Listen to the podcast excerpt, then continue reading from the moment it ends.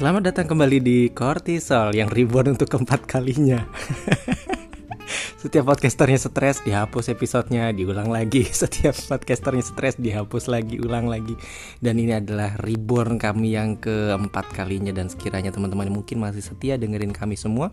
Ada yang dengerin sambil tidur Atau yang lagi nyetir Atau mungkin lagi nyetir sambil tidur Bisa dengerin podcast ini dan kiranya dari pemikiran-pemikiran orang-orang biasa ini Bisa membantu teman-teman untuk bisa merilekskan titik stresmu hormon kortisolmu bisa agak menurun sedikit dan kamu bisa jadi orang yang jauh lebih baik.